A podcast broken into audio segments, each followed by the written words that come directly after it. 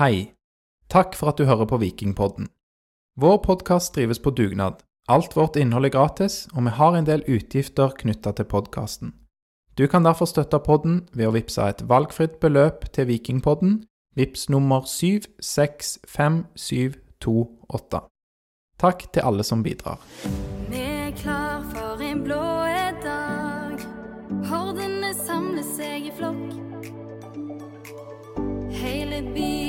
samme lag, kledd i mørkeblått. Vi er viking, hvite og blå, lager fest på stadion nå. For er viking. Vi har skåret åtte mål på de tre siste tellende kampene mot Glimt, men når man slipper inn 15 mål på de samme tre kampene, så blir det ikke noen seire mot laget fra Bodø. I dag er det 29. mai 2023, og vi har tapt oppe i Bodø. Eh, som nevnt for tredje gang, og ja, ganske, ganske kjipt. Eh, og dere, Lars og Torjer, velkommen skal snakke om denne kampen med meg, Aleksander. Takk og ja. Takk og ja, bra. Ja. Velkommen. Ja, takk. Dette blir en eh, spesiell eh, opplevelse. Eller ikke så spesielt, for det har jo vært nå flere ganger vi har tapt eh, med fem, eller sluppet inn fem mål i Bodø, men vi får prøve å analysere hva som er galt i dag, rett og slett. Det skal vi gjøre. Vi skal snakke om kampen mot Glimt, vi skal snakke bytter og børs, og så har vi òg heldigvis slash uheldigvis har du, Torjer, forberedt en del sånn on this day, altså hva har skjedd tidligere år den 29. mai eh, i Vikingland. Så Det stemmer. Vi måtte jo gå inn og se om Viking alltid har vært så dårlig som de var i dag, 29. mai, og det fant vi ut at det, det, det har de. Så eh, vi får gå gjennom noen andre triste affærer. Men jeg fant ett lyspunkt, men det kommer vi tilbake til seinere. Kan folk glede seg? Og du hadde sjekka alle kampene på 29. mai siden 1960, var det det? Ja, bortsett fra 90-tallet. Mm. På- OK, du rakk ikke 90-tallet? Det rakk jeg ikke før vi gikk på luften, men jeg har sjekka fra 1963 til 1990, og fra 2000 til 2022 så har jeg sjekka alle sesonger. Og Viking har vunnet én gang. De spiller ikke hvert år, da, på den 29. mai, men uh, ja. Det er veldig kjekt å ha deg med i poden igjen, det må jeg si. Uh, Det er din andre, andre kamp denne sesongen. Hvordan syns du sjøl det går i de har gått? Oi, oi, oi. Ja, nei, det er ikke sånn at jeg står i sentrum av verden og har så stor influens på Viking, men begge gangene jeg har tapt, så har Viking Begge gangene jeg har vært med, så, så har Viking tapt. Så ja, Åh, ja, kanskje tror, ikke jeg skal være med. tror du at du er en jinx? Ja, det kan jo være det. Jeg vet da søren. Men de kampene jeg har vært med, det var første serierunde borte mot Rosenborg, og i dag åttende eller niende serierunde borte mot uh, Bodø-Glimt. Så det er jo ikke akkurat to kamper eh, vi er kjent for å ta veldig mye poeng i. Vet du hva jeg tror er en større jinx? Ja. Det er måten de setter opp eh, laget på i dag. Ikke formasjon, men spillervalg.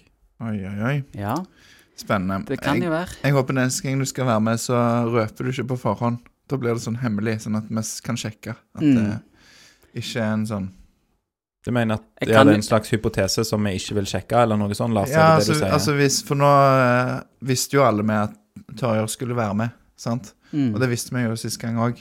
Han Ja. var med. Men Ellers, hvis Torjer bare holder det for seg sjøl, at eh, nå er jeg i Stavanger, nå er jeg klar for pod, så tipper jeg at det vil ha en positiv effekt på Viking. Jeg syns dette ble vel komplisert. Jeg Ja, håper lytterne fulgte med på det. Men jeg jeg, tror heller ikke. at jeg kan være med hjemme mot Sandefjord, for som alle vet, så vinner vi jo alltid hjemme mot Sandefjord. det skal vi klare. Bortsett fra i fjor, men. Ja. Ja. Ok. Nei, men vi går, okay. går videre her. Vi skal snakke om inngangen til denne kampen. For er det noe vi har mast om og ønska oss, i alle fall meg og Lars, så er det Viking i 4-3-3 i alle kamper. Jeg har i hvert fall ønska meg det, Lars. Har du ønska deg det òg? Du har mast mest og vært mest eh, høylytt eller vokal i dine ønsker om det. Jeg har vært eh, litt mer eh, åpen, men eh, sånn Ja, det er vel kanskje et felles ønske fra, fra podden, da. Tror vi kan si. Er du en sånn formasjonsmann, Torjer, som ønsker deg eh, 4-3-3 foran 3-5-2, eller motsatt?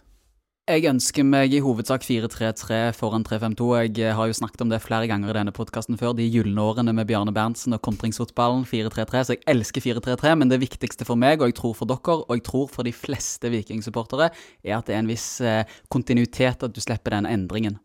Så jeg ble glad når jeg så at det ble 4-3-3 i dag igjen. Jeg tror det var i fjor vi spilte 3-5-2 i Bodø. Det mm, gjorde vi både på, På våren og høsten. ja. Ja. Mm. Og så spilte vi hjemme, og da vant vi jo eh, 2-0 I 3-5-2, ja. i 3-5-2. Ja. Så sånn at det liksom Jeg synes kanskje at av og til den kritikken mot 3-5-2 blir litt sånn unyansert, men eh, ja, det var, de var tydelige på forhånd, både spillere og trenere, at de skulle opp og angripe. De skulle ikke um, De skulle spille som Viking, ikke som en Viking som møtte Bodø-Glimt, hvis du skjønner hva jeg mener. De, Ja. Og, og de setter jo opp laget i 4-3-3, som vi allerede har eh, nevnt. Og ingen overraskelser i forsvar med Bjørsol, Stensnes, Brekalo og Patinama.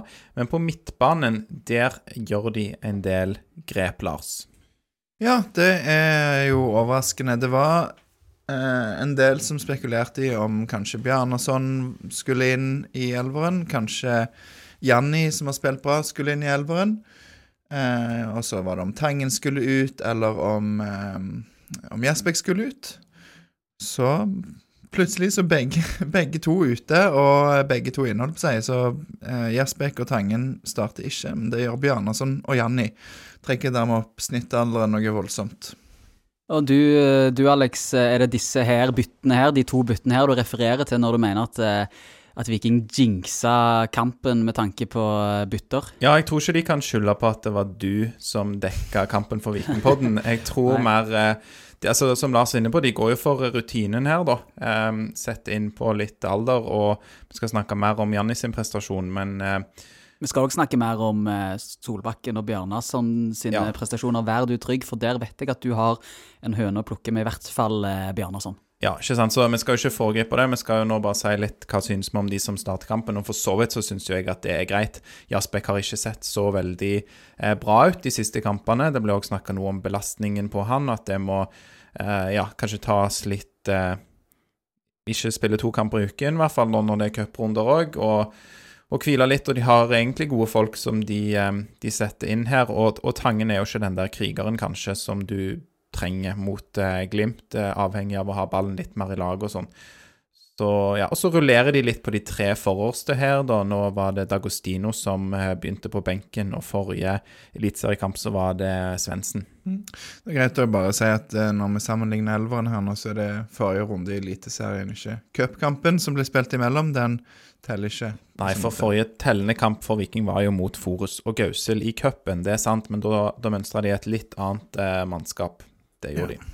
Det var jeg, eh, Vi snakket jo litt sist om at eh, vi gjerne ville ha Altså at eh, selv om trenerne mener at Tripic er skapt for sånne store anledninger om å få spille, så snakket vi om at det kanskje han burde bli hvilt fra start. Men det, trenerne velger å bruke han igjen i dag. Du, forstår du det, Torje?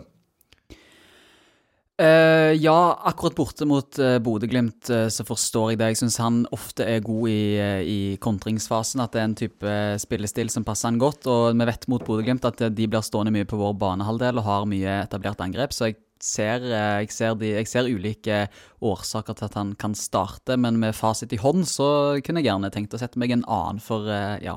Han er jo god til å fyre i de der store kampene, sant, og så, ja, og, og trekke litt. og vi husker jo det hjemmekampen mot Bodø-Glimt i, fjor, når eh, Ulrik Saltnes mistet helt hodet og plantet kneet i ryggen på Kevin Cabran og sånn.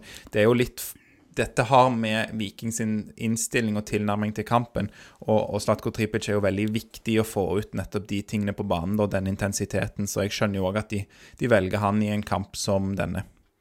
Og så ikke minst dette psykologiske aspektet ved det hele. altså Borte, borte, mot Aspmyra det er vel en av de mest sånn fryktinngytende plassene. Ikke at Aspmyra i seg selv og Bodø-publikummet nødvendigvis kanskje er så skummelt, men med tanke på hvor gode Bodø-Glimt har vært de siste årene, så, så tror jeg det er greit å ha med en rutinert eh, herremann som Trippic, som er, en, er den hærføreren han er, da. Så eh, ja, jeg, jeg, var, jeg reagerte ikke på at han fikk starte, men eh, Men jeg synes jo ikke han er, han, han er Vi trekker jo alltid fram dette her, og så syns jeg det er litt varierende hvor, i hvor stor grad dette preger laget, da. Og I dag Hva tenker du på hva preger laget at han er på banen, eh, Ja, Lars? men det vi snakker om er tilstedeværelse og fyring og altså sånt Leder Hærføreren Slatko Tripic. I dag så syns jeg han, han jukser defensivt. Han, eh, han er ikke Altså Nei, Han er jo bedre til å på en måte fyre opp motstanderen, eller å, eh, hva skal jeg si, å, å trekke i motstanderen, enn han er kanskje til å, å lede laget nødvendigvis. på mange måter. Kanskje.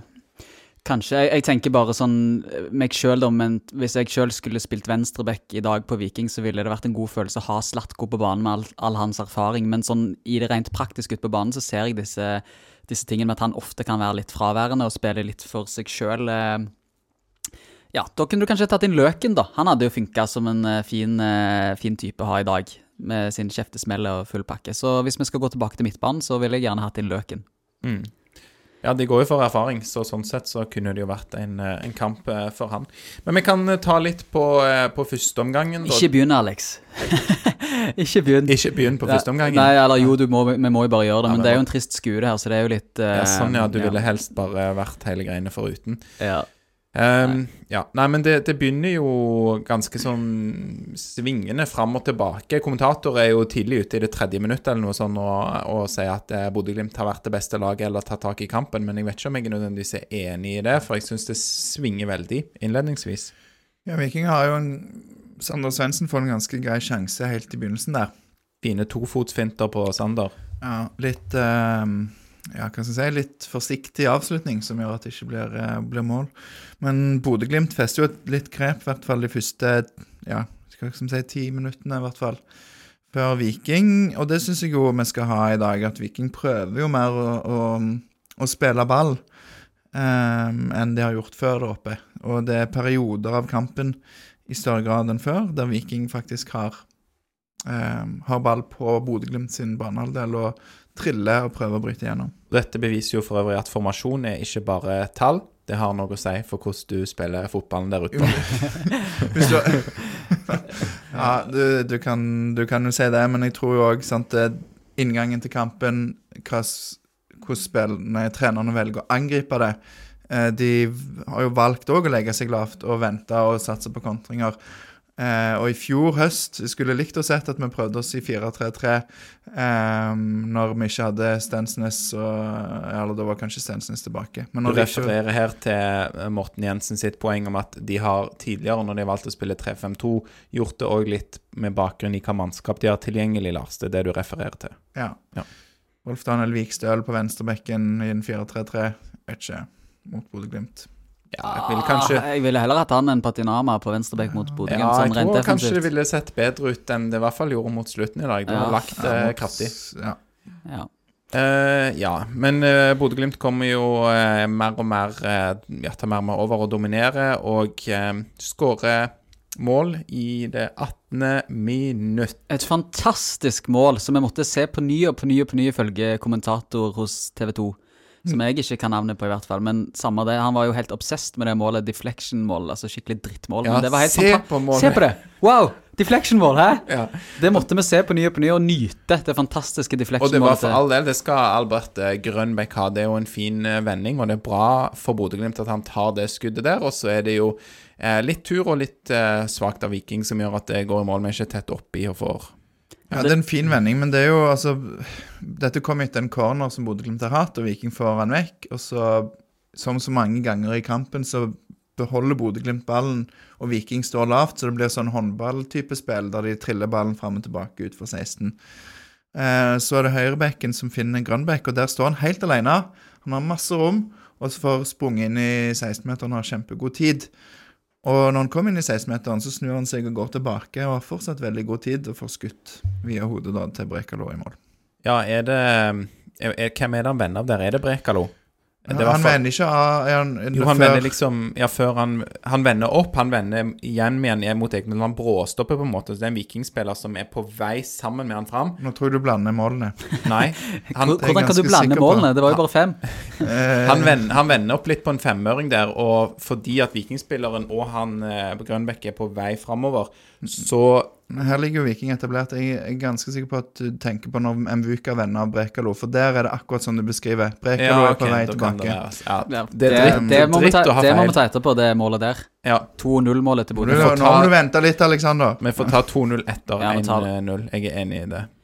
I hvert fall så er det, er det et skikkelig drittmål som eh, han kommentatoren hauser altfor mye opp. Eh, uflaks, irriterende for Brekalo først får skudd i hodet, og så går ballen rett i mål. Det er ikke noe Gunnarsson kunne gjort noe med, så ingen, han kan ikke lastes. Men som Lars sier, det er for slakt forsvarsspill, vi kommer ikke tett nok oppi, og det resulterer i at Bodø-Glimt skårer. Og leder 1-0 etter eh, det er spilt 17 eller 18 minutter, Lars. Du som er opptatt av dette her. I det 18. minutt. I det 18. 18. minutt, så ballen går i mål etter 17 minutter og sånn 29 sekunder eller noe sånt. Ja, veldig nøyaktig. Bra, Lars. Ja, for nå ser jeg på det her. Det er Solbakken som er nærmest eh, i den situasjonen og ja, blir venta av, eller eh, Ja. Han, Ja. Er, han er på etterskudd eh, fra før, så han Ja, kanskje. Mm. Men eh, ja, det går ikke så lang tid eh, før de skårer på ny. Men før det så har Salvesen to bommer. Eh, først blir han spilt alene gjennom. Det blir riktignok offside, men der har han en merkverdig avslutning som går på utsiden av mål. Chip. En chip. Etter det så har du i det 21. minutt eh, en eh, Stensnes som er virkelig påskrudd. Du er langt oppe i Bodø- Bodø-Glimt sin eh, banehalvdel, eller høyt oppe i banen, 30 meter fra Bodø-Glimt sitt mål. Gjenvinner ballen effektivt, og Salvesen eh, bommer her òg. Så ja, jeg skal ikke eh, skal ikke halshogge Sa- Salvesen, men, men det er litt mye, bom, litt mye bom fra han denne sesongen. Så gjorde han jo litt opp for seg senere, men han bommer for mye, og det er irriterende. Han trenger veldig mange eh, sjanser på å skåre mål. Helt ekstremt. Han bomma i det 23. minutter òg. 23 minutter òg. Nei, det var Svendsen, ser jeg nå. Svendsen bomma òg i det 23. minutt. Ble Ja. spilt igjennom av eh, på kontring av Slatko og setter han over. Så vi hadde nok av sjanser til å skåre i Ja. første omgang. Og begge disse målene som Bodø-Glimt får, kommer litt sånn når Viking har hatt litt trykk på Bodø-Glimt. Særlig det andre er jo sånn rett etter et ganske bra Viking-angrep. Men i det første òg, så er det liksom der Viking har begynt å prøve seg litt fram, og så får Bodø-Glimt et angrep og får en corner. Så det kommer i sånne viktige, eh, viktige tidspunkter i kampen der, eh, der Viking har festa et litt sånn grep.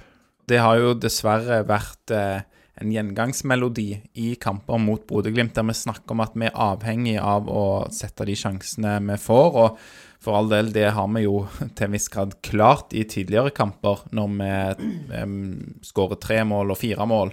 Eh, I dag skårer vi ganske mye mindre. I dag er det omvendt. Ja. av altså, Tidligere satt vi klart med å skåre når vi Mm. var framme i banen. I dag så er vi faktisk ganske mye framme i banen, og så skårer vi ikke på de sjansene. Kunne godt eh, putta, putta litt mer, ja. Um, men ja, du er inne på dette 2-0-målet her, um, Lars, til Bodø-Glimt, som kommer rett etter et uh, vikingangrep. Ja, Få høre dine tanker om dette målet, Lars. Så kan vi Vil du ha tanken om mål, eller vil du ha hvordan det kommer først? først hvordan det kommer, og så dine tanker rundt eh, hva som gikk gale. Eh, for det er jo Viking som har et egentlig veldig langt angrep. Det er jo noe de ofte snakker om, at de vil ha et langt angrep, og det er mange trekk i laget.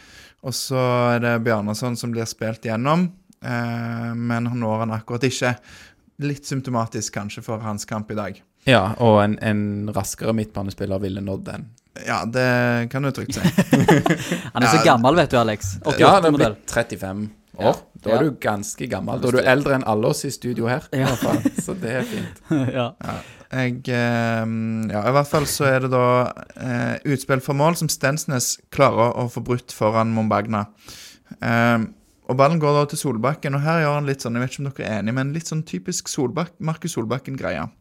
For han kunne bare satt ut foten og fått den ballen videre til Janni, tror jeg, som står på sida. Eh, han har Hugo Vettelsen i ryggen, eh, tett press, og han prøver å skjerme ballen og få kontroll på han. Eh, Vettelsen klarer i hvert fall å få ballen videre til Ja, han gjør jo det med å sparke ned Solbakken. Ja. nå, altså Det kan jo diskuteres om det skulle vært frispark. eh, Nei, det skulle vært frispark. Ja, det er helt åpenbart. Eh, Jeg må innrømme, jeg, når jeg ser det live, så ser jeg ikke at det jeg, Altså, Da syns jeg det går litt fort. Klarer ikke å se hva som skjer. Så er det et par ganger i reprise ordentlig. Da Ja. Ja, men det, poenget er at uansett så gjør, tar jo Markus Solbakken et valg et risikofullt valg der, i en litt sånn eh, eh, ustabil situasjon, altså der eh, Stensnes er framme, Viking er i ubalanse. Um, og eh, det går bra ofte, men nå gjorde det jo ikke det, da. Og Viking får ikke det frisparket heller. Um, og så er det en Buka som får ballen og han går og går, og han venner av Brekalo. Jeg så forresten det første målet. Det var litt sånn, men ikke var, jeg, nå så jeg jo det første målet, bare siden vi krangla om det. Mm. Jeg snakket om det første målet. Markus Solbakken blir òg venta han fortsetter løpet, og Markus Grønbekk Nei, hva heter han? Grønbekk? Al Albert. Albert Grønbekk Albert, eh, stopper opp, da, og da er Solbakken på vei feil vei. Og litt reprise, sier du på andre målet her, Lars. Ja, bare her syns jeg at det er enda mer eh, Altså dette er en bedre, bedre vending, for det er så tydelig at de er i altså, de er i en tett duell, og så er det en liksom Jeg vet ikke om dere husker Cristiano Ronaldo gjorde dette hele veien i når han var United. Hvem er det? sånn, Hvem er det? eh, Jeg òg glemmer de der som forsvinner fra Europa. Jeg kan, ja, det var noe med han i hvert fall. nå tror du deg helt ned. Jeg ble så hissig av, eh, av Ronaldo-snakket. Ja, Men nei, men gjennom han, han eh, tar da flikker han liksom bak, eh, bak standfoten, og så får han jo masse tid og rom og legger han fint ned i, eh, i stolperota. Uttagbart for eh, Gunnarsson. Ja, den er jo det en veldig fin avslutning eh, når han først får all den eh, plassen. Men skulle vært frispark, og det jo Det skjer jo òg når Viking da er i ubalanse der. Så Men hva Ja. syns vi om innsatsen til Bricalo der på det baklengsmålet? Når han blir venta av Mvuka og bare faller fire-fem meter. Kan vi forvente mer, eller er det greit? Ah, Jeg tør ikke si det sånn kategorisk, men han er jo langt eh, vekke når han prøver å blokkere, da. Altså Ja. Er du tettere oppi, så er det klart at da er det mindre sjanse for denne deflectionen, da. Og en, en ren blokk. Men du snak, jeg snakker om 2-0-mål nå, gjør du Ja. det? Ja, ok. ja. Nei, Nei, jeg nå snakker om roter jeg, 2-0. nå roter jeg i hvert fall. Ja, Ja. nå snakker jeg om 2-0-mål, jeg. Jeg, jeg Da skal jeg eh, stryke det. Ok, ja. 2-0-målet når Mvuka og Brekalo har en lang løpeduell langs Viking, eller mot Vikings mål, og Mvuka tar denne her eh, frekke fintevarianten som du refererte til var en Cristiano Ronaldo-variant. Jeg tror det, i hvert fall. Ja. Eh, da, ble, da faller jo Brekalo voldsomt av. Fire-fem meter, to-tre meter i, i hvert fall, ramler han av når han blir dratt av. Og så er det i hvert fall ingen deflection. Ingen deflection. Uh, det er ikke sjans for at det blir noe deflection, og litt av grunnen til at eh, det ikke er mulig at det kan bli noe deflection, er jo at Bricado er så langt unna. Det er jo ingen som er i press der, ikke sant? Hva synes du da, Torja, som stiller det Nei, jeg spørsmålet? For jeg var ikke forberedt på å svare på det, som du merker.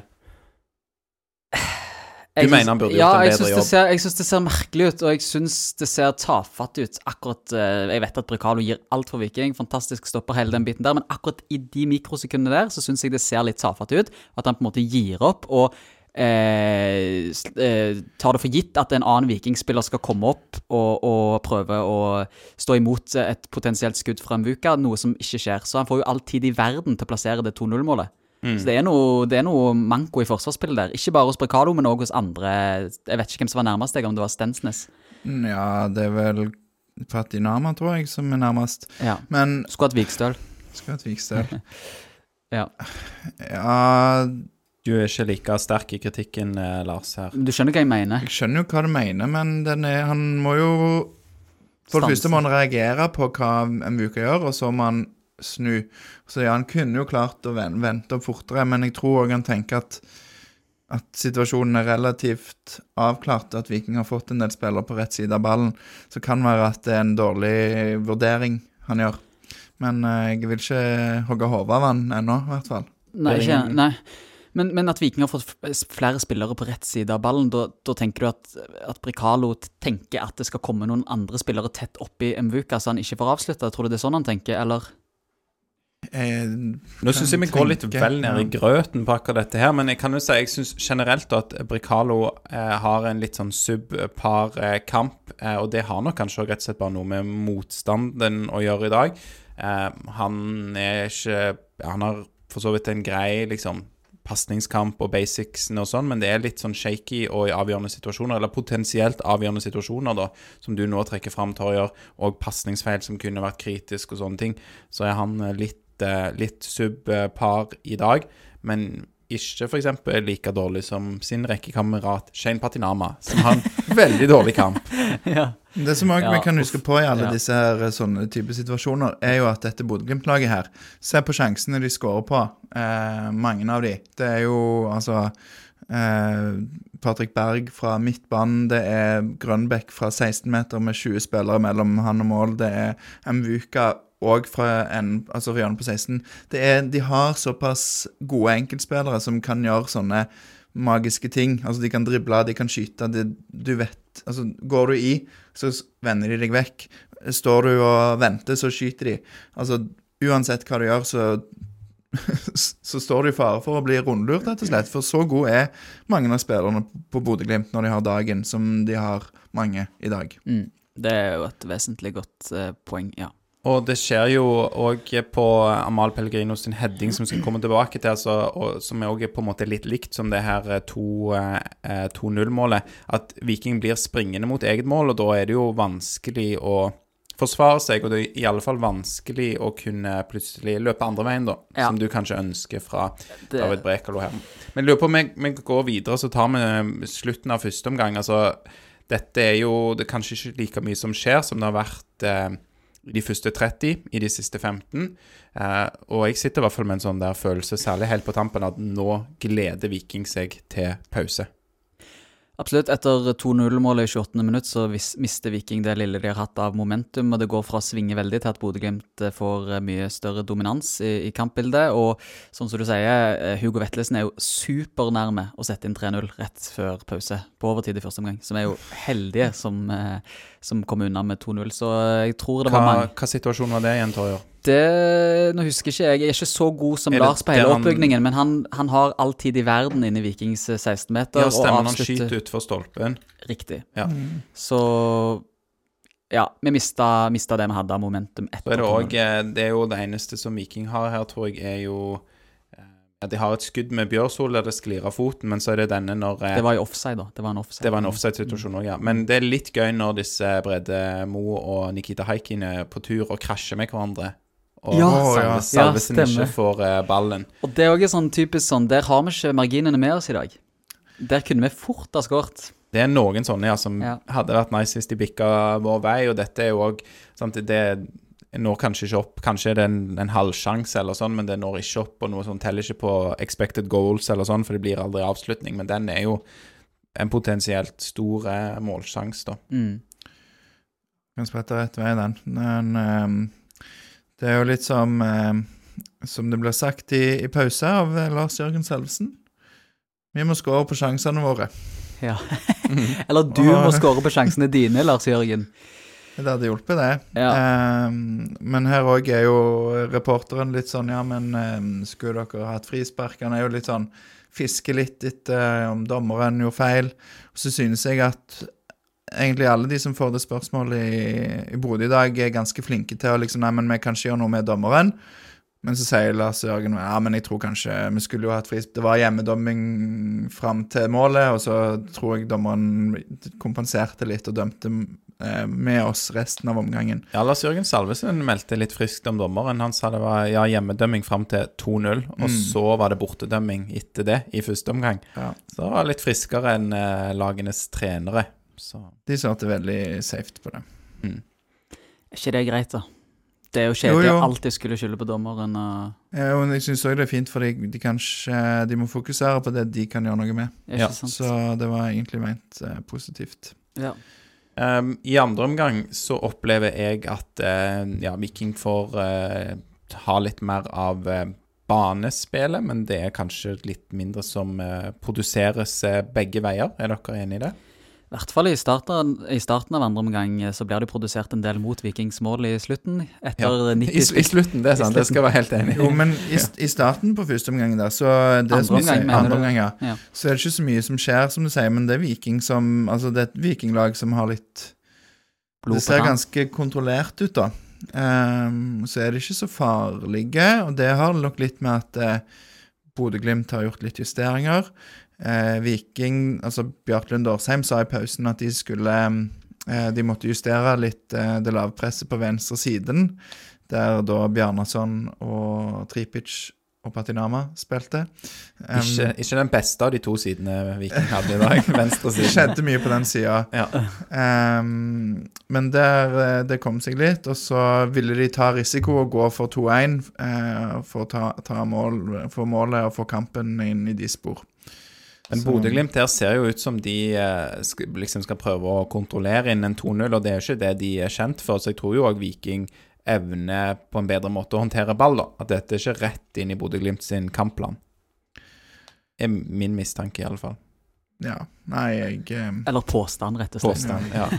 Ja. Um, det er jo i det 51. minutt at vi får et veldig sånn stort stopp i uh, spillet, når Faris uh, Bodø-Glimt-spissen blir spilt inn bak uh, våre stoppere etter en uh, Det er da det er feilpasning av Brekalo. Ja, det er Brekalo som setter opp eh, Pellegrino, som kan spille gjennom. Ja.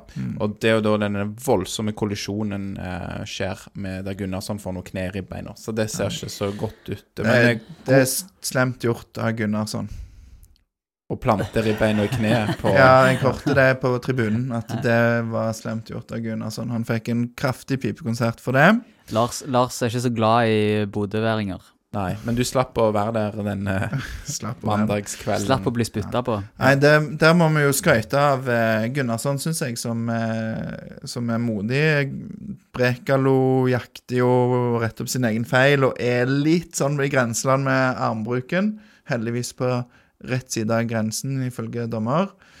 Eh, og Gunnarsson ofrer alt for å, for å redde han, så Ja, det, er, det er ballsy av Gunnarsson. Jeg hadde helt ærlig meg og Lars diskuterte det når vi så kampen. Hadde vi turt å gjøre det som Gunnarsson gjør der, gå inn og gjøre seg stor i den duellen når han har en Bodø-Glimt-spiss eh, som kommer i ja, 100 km 30 kilometer Ja, 30 kanskje. I hvert fall 30 km i timen. Ja. Ikke sant? Så det, det er tøft gjort. Og eh, de er jo ikke mange millionærer av å spille i Viking. Så det å ofre seg og ofre helsen på den måten, potensielt, det er tøft. Så Ja. vi skal være glad vi har en tøff islending i mål, og ikke en pinglete Stavanger-gutt som meg. ja, for du, Eller deg, Lars. Du, Torjer, sa at jeg er litt usikker på om jeg hadde turt å gjøre det, sa du. At du Ja. var litt usikker. Så sa jeg, kunne jeg si at jeg var i hvert fall sikker på at du ikke hadde gjort det. Alex, du hadde gått i der. Jeg hadde gått, vet du, men jeg er jo eh, ikke, ikke bare den raskeste jeg kjenner, jeg er òg den beste keeperen jeg vet om. Så det er ja, Ja, ja, noe, Ydmykheten sjøl. ja, ja, ikke noe stress, det. Det gikk Eh, heldigvis bra med mm, Gunnarsson. og intens dialog etter denne situasjonen eh, mellom Kjetil Knutsen og Morten Jensen og Bjarte Lund Åsheim. Var det det? Eh, ja, de står og diskuterer veldig på siden, nå, for det, det tar litt tid å få spillet i gang her. Så jeg tror ikke det er noe sånn dårlig stemning. De bare diskuterer mye. Jeg Det er tror fag, fagfolk, vet du. det er fagfolk, og jeg tror at Kjetil Knutsen har et uh, bedre inntrykk av Morten og Betty enn han har av f.eks. José Mourinho. Så det er tre, tre ordentlig siviliserte karer som har en fagdiskusjon på sida, og det kan vi verdsette. Men fire minutter tok dette. Så meg og Lars ville anta at det ble lagt til rundt fire-fem minutter. Men det ble ti minutter! Ja, men det skjedde jo litt andre ting òg. Og var det ikke et til langt stopp i spillet? Sondre det Bjørsvold begynte å blø etter Ja, hvert. stemmer og, stemmer så det var litt så skjedde, da. Um, mye likevel, I det 58. minutt så fikk jo Patrick Berg og endelig et gult kort, så det måtte de kanskje også legge til bitte litt tid for. Eh, Jeg gleder meg eh, for øvrig at han fikk det, og mener han skulle hatt det mye før. Og dette er òg litt sånn der Hva kaller de det? Game management, eller hva, hva dommerne skal holde på med. Når Patrick Berg syns jeg var, var kynisk eh, i dag, i likhet med noen andre utpå der. Men da kan du gjerne dele ut et gult kort på kanskje den forseelse nummer to, eller noe sånt, eh, litt ut i første omgang. Så får, da hadde vi ikke fått denne situasjonen der han bare kakker eh, godeste Sander Svendsen i kneet, eller noe når han er på vei eh, mot 16. Synes det er det er dommeren mm, det, er ingen, det er ingen stor ting nødvendigvis, og det har jo ikke noe sånn ma- matchavgjørende situasjon, men gi nå de der som, som driver og bare bryter opp spillet og stopper overganger, eh, gi de noen gult kort, så slutter de med det. Eh, og denne her òg var Det så ut som det var vondt for Sander Svendsen. Han gikk jo ut rett etter det uten at jeg vet om det er noen alvorlig skade. Så det hang jeg meg i hvert fall litt eh, opp i, da. Espen Eskås han eh, hadde jo eh, nok med å holde seg unna vikingspilleren i dag, rett og slett. Han jo Han Ja, kolliderte med vikingspillere to ganger på to minutter i første omgang.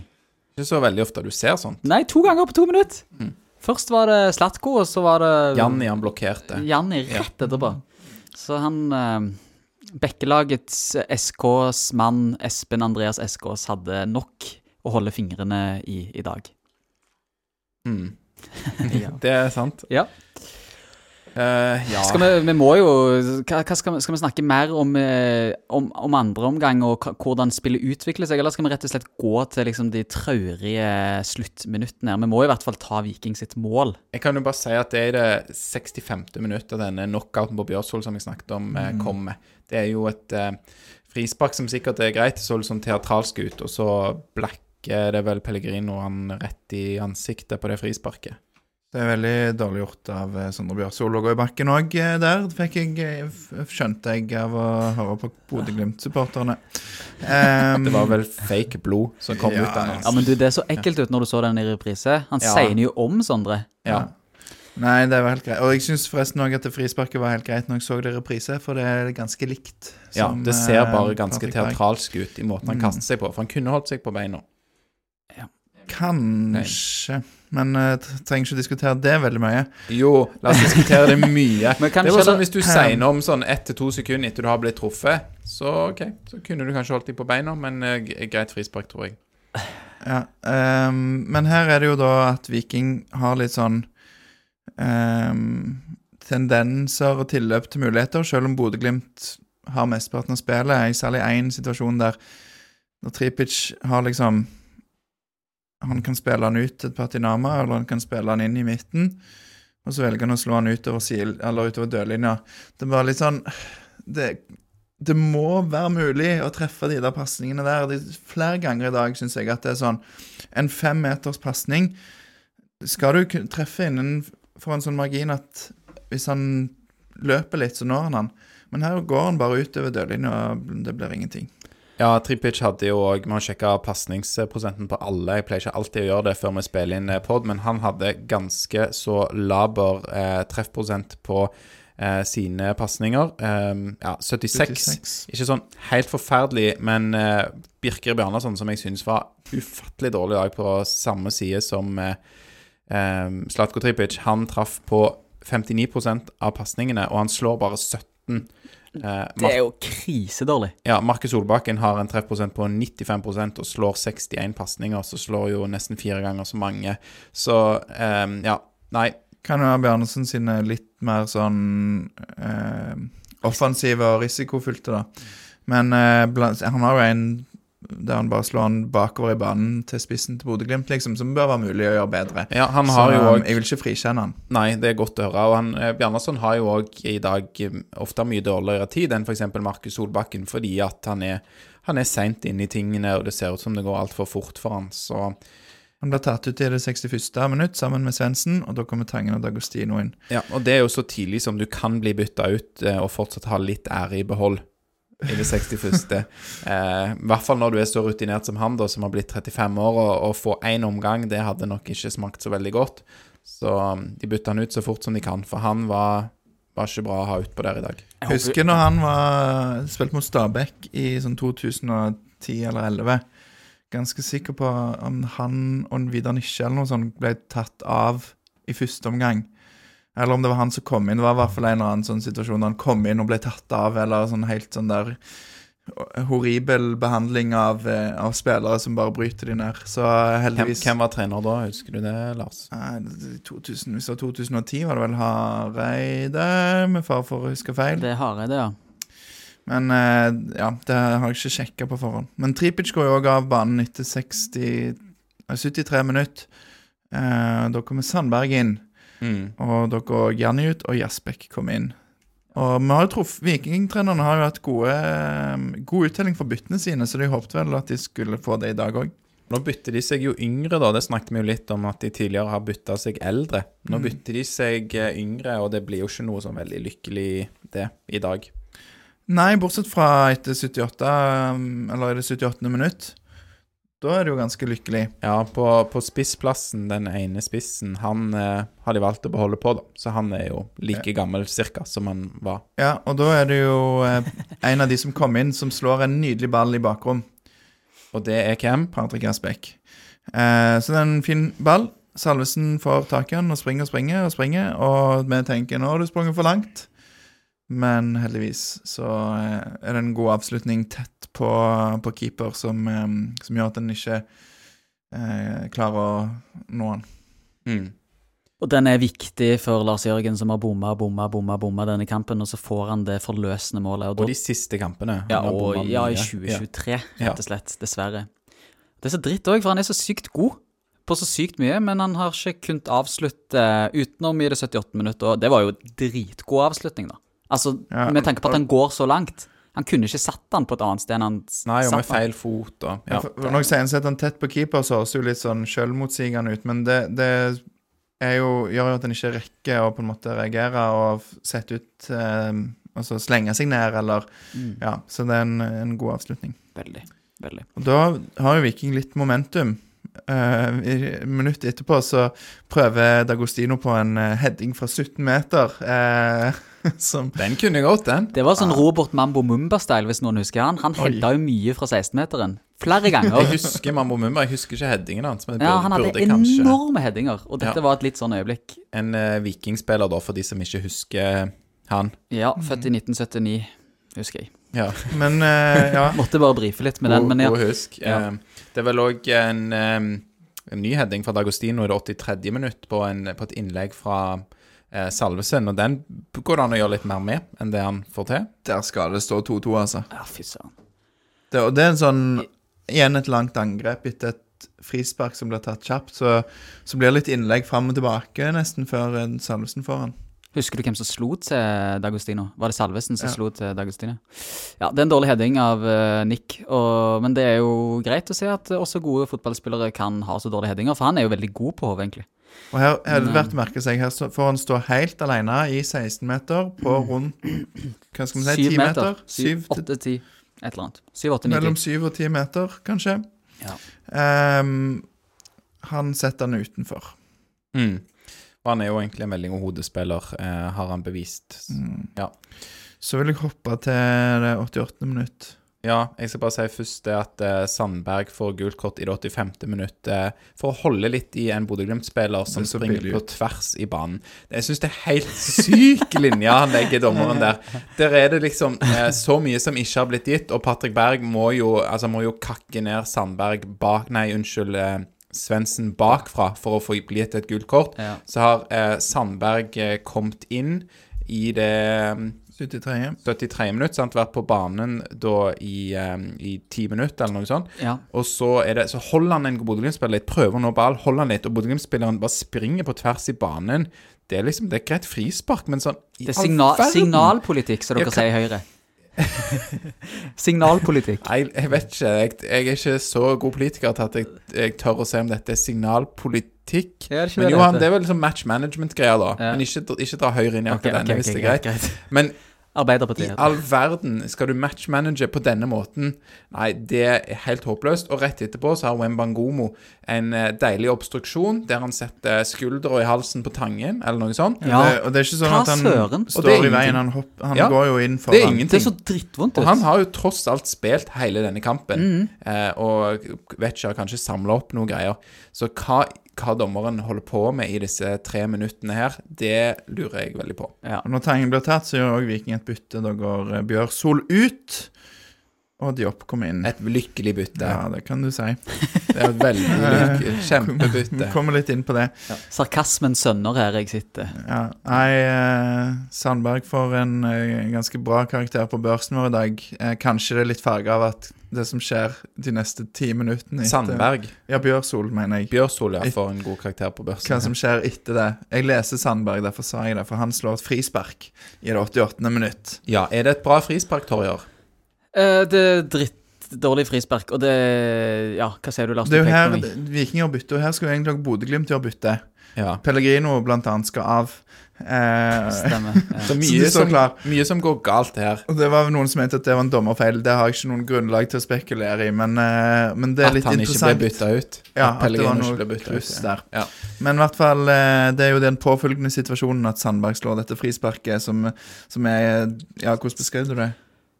Eh, drittdårlig. Ja, det var Ja, det var en veldig fin beskrivelse. Mm. Men ja, det er jo, det er jo sånn Viking slår dødballer. Slatko har gjort det hele 2023. De klarer ikke å slå over første forsvarer, og da går det som det må gå. Bodø-Glimt kommer på en kontring som jeg ikke vil si er særlig god, sånn som kommentator igjen uh, uh, fremhever at det er. Han sier at det er en fantastisk kontring. Jeg mener mer det er svakt av Viking. Jeg tror det er Stensnes som prøver å gå inn i en takling som mislykkes. Ja, og han Men det er ikke en Yes. veldig dårlig inngri inngripen heller. Nei, det er ikke så som takler, tror jeg. det. Nei, det er Stensnes. Ja, jeg er usikker, men en av de, da. Ja. En eller annen fra Down Under, i hvert fall. Ja. Sett inn en sugende takling som òg treffer, men den, den spretter rett tilbake beina Det er på Pellegrino. u- uflaks. Ja, det er uflaks. Ja. Og så er det han Sørensen, vår danske venn, som eh, eh, leder an. Eh, mange trodde kanskje han ville gå for et skudd, men han eh, Jeg føler han slakker litt av i intensiteten og tenker ja, nå klarer Viking å redde seg inn, men så slår han i springer tilbake med mange mann, Viking. Viking gjør det, rett og slett. Har en høne å plukke med Solbakken, som er litt slakk i, i den defensive jobben der. Men utover det så var de sånn totalt sett ganske Ja, de er ofringsvillige bakover der, Viking. Men så slår, slår Sørensen denne her flotte chip-lob-innleggsvarianten. Ja, ganske mye luft på den. Ja, men det er jo ganske Det ser jo veldig clean ut da når eh, Det ser jo kjempelett ut før Amal Pellegrino setter den. Og la oss si at ja, Amal Pellegrino burde ha gått ut før dette frisparket, men alle spillere, til og med Marius Lode hadde satt den. Og han- du, Alex, hadde satt det innlegget der, for det var lett å skåre på. Ah, Ja, jeg hadde ja, ikke Alex. jeg hadde satt den. Men, eh, men det her, alle de vikingspillerne du sier som er på rett, rett side, alle er jo mellom Nesten alle mellom Sørensen og Pellegrino. Og alle ser på ball. Ja, og jeg kan forstå at mange ser på ball, mange går og, og sprinter i dette rommet da mellom Sørensen og Pellegrino, men den som har, eh, hva skal jeg si, mest eh, Som starter lengst bak, da nærmest Viking sitt mål, Han må ta litt ansvar. han må ta ansvar, for han har mest eh, mulighet til å orientere seg. Han har flest meter å gå på, og dette er Shane Patinama, og han blir veldig ball-watching og gjør en dårlig jobb, og han eh, burde tatt ut i hvert fall én av de to Bodø-Glimt-spillerne som er der inne, og det evner han ikke. Han kunne fått hjelp av Jasbekk, som kommer bakfra i, i større fart. Eh, Jasbekk kunne ropt eh, 'Watch out, matey'. Og der driver Stensnes òg og peker på disse, for Stensnes har da en annen posisjon som er nærmere Sørensen som slår legget. Så han driver og, og peker, men eh, ja. Ja, altså Sandberg kunne nå gått ut og gjort det vanskelig for uh, Sørensen. Altså, det er mange ting her. Men dårligst av Shane, syns jeg. Ja, og, og og dårlig av Sandberg på det legget som fører til brudd. Ja, og her får Pellegrino gå opp helt alene i 16, riktignok fra sånn fire meter, så han er noen meter nærmere. Men bare liksom Hva det var, fem minutter før, sant? Så Da hadde Agostino heada utenfor. Det er mye lettere å skåre på Pellegrino, pe, på Pellegrino sitt mål enn det var Ja, men det er lettere for Amal Pellegrino å sette den enn det Ja, er ja, ja. Nick Det er det. Agostino å Det tre er mål. absolutt det. Det blir jo òg lett, for han får gå opp helt alene. Ja, ikke sant? Så, og det er jo der Viking taper kampen, og det som skjer etter det, er jo bare en eh, Det skjedde noe etterpå. Jeg husker skrudde av. Nå er det 3-1 i det 88. minutt, Ja. og vi, vi sa jo at eh, hadde målgivende til Viking sin redusering, men jeg syns alt i alt så har han ikke et godt innhopp. Eh, og blant annet fordi han har en stygg ballmist her da i det 91. minutt. Da er det ballmisten som fører til Patrick Berg sitt langskudd. Kan bare si, Det blir jo lagt til Du var inne på det her, men det ble lagt til ti minutter. ti minutter. Så Så da da- er vi jo glad. Er, ja, så vår første tanke da er jo OK. Ja, men uh, Skal det spilles ti minutter fotball til? da, eh, Men det da kunne Det- vi det vært jo- foruten. Men det sier jo litt om oss og vår patriotisme. Vi har blitt vi har jo vært svakere enn Bodø-Glimt i 90 minutter. Altså Ikke konstant i 90 minutter, men totalen, totalen er jo at de har vært mye bedre enn oss. Og så evner vi å tenke 10 minutter, nice, nå snur Ja, vi på det. Men har du sett Viking spille fotball i år? De har skåret ett mål i første omgang, 16 i andre omgang, og avgjort kampene langt inn i siste fase av kampen eh, flere ganger. Så det er ikke så rart at vi sitter og tror og håper, og det er kanskje mer håp enn eh, en tro. Ja. Ehm, men ja Um... Men det, Vi trodde det skulle være en velsignelse, men det ble en forbannelse. Og hvorfor det? Det er fordi Jasbekk har denne ballmissen eh, til Ikke bare derfor. Jo, mest derfor. mest derfor. Det starta ballet. ja, nå, Jeg ser den igjen. Jeg syns du er litt hard mot den, eh, Alex. For det, den ballmissen, det er, det er Berg som har ballen, og så kommer Jasbekk inn foran han. Og, eh, han klarer jo ikke å få kontroll på den ballen noen Ja, Nei, men han egentlig. kan gjøre det mye enklere enn det han gjør. Han prøver jo å få kontroll. Ja, ja, Det er litt som kanskje som, eh, som han eh, Solbakken før 2-0, da. Sant? Han kunne gjort noe annet, men eh, Ja. Ja. men Solbakken skulle hatt frispark. I aspekt, jeg syns ikke det var en, var en god inngripen i det hele tatt. Um, Men, men, men, dette vi, vi snakker om her, med Solbakken på det ene baklengsmålet og Jasbekk på 4-1-baklengsmålet nå, det er jo et produkt av, av denne Vikingstallen. Det er mange tekniske, fancy spillere som liker å spille med litt finesse. Viking har jo ekstremt mange ganger de spiller seg fint ut bakfra, men det er jo med høy risiko.